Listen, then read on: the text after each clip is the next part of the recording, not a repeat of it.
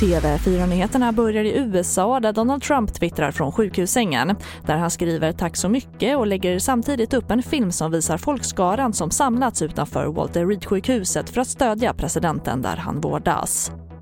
Och i natt la han upp en annan videohälsning där han bland annat sa att han snart är redo att ge sig ut på valkampanjmöten igen. I'll be back. I think I'll be back soon.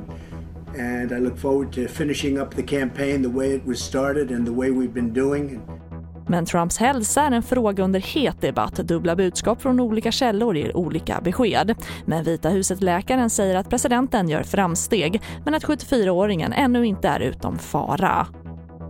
Och här hemma har Skatteverket upptäckt runt 200 fall av bidragsfusk med omställningsstödet. Fallen ska nu lämnas över till Ekobrottsmyndigheten, det rapporterar SR.